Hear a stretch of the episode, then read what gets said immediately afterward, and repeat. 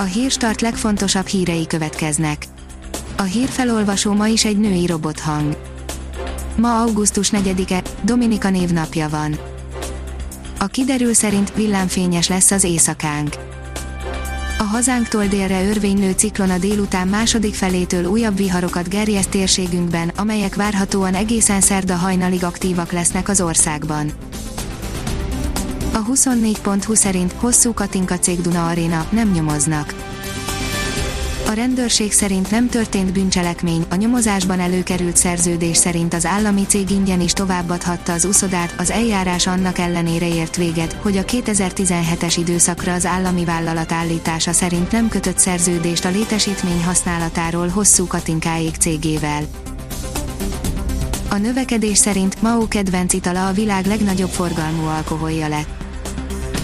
A Kweihau piaci kapitalizációja nagyobb, mint a legnagyobb nyugati italgyártóké, például az AB InBev, a Diageo és a Heineken tőzsdei értéke összesen, a cirokból készült párlat a kínai elit italává vált, gyűjtők és spekulánsok reménykednek a további áremelkedésben. A formula írja, megsérült a titánlemez Márquez karjában, újra műteni kellett. Másodszor is meg kellett operálni a MotoGP címvédőjét, miután túlterhelés miatt megsérült a karjába helyezett titánlemez, ezzel az augusztusi futamokon való részvétele erősen kérdésessé vált. Az NLC szerint Berki Krisztián most sem kíméli Demcsák Zsuzsát. Demcsák Zsuzsa és Berki Krisztián egymás párjai lesznek a Breaking című talksóban, erre számíthatunk a műsorvezető párostól a képernyőn. A privát bankár írja, Matolcsi programjával 10 milliárdokat szakítanak hazai ingatlanos cégek külföldön. Tegnap óta már a Duna House is tagja azon magyar ingatlanos cégek körének, amelyek az MNB növekedési kötvényprogramjából szerezhetnek pénzt a külföldi terjeszkedéshez, összességében több száz milliárd forint landol ezeknél a vállalatoknál, fő célpontjuk a lengyel és a nyugat-európai piac. A Balaton.hu oldalon olvasható, hogy helyen van az északi part egyik legjobb kávézója. helyről mindenkinek a Festetics kastély, azaz a Helikon kastély múzeum ugrik be elsőre, kevesen tudják, hogy számos másik, patinás villa tarkítja a város arculatát, egy ilyen épület, egészen pontosan a Geil villa lett az otthona hely talán legszebb kávézójának, a Tulipánnak, amelyet a hellovidék.hu tesztelt a hétvégén. A Hír TV írja, Izrael légicsapást mért a szíriai kormányerők több állására.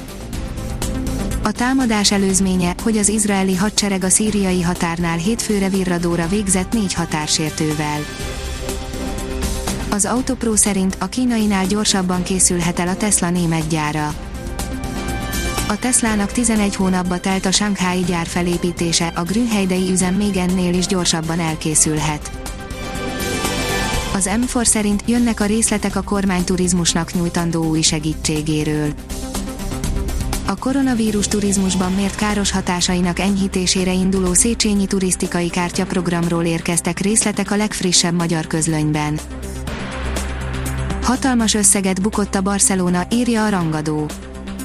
A klubelnök szerint négy hónap alatt 200 millió eurótól esett el a klub.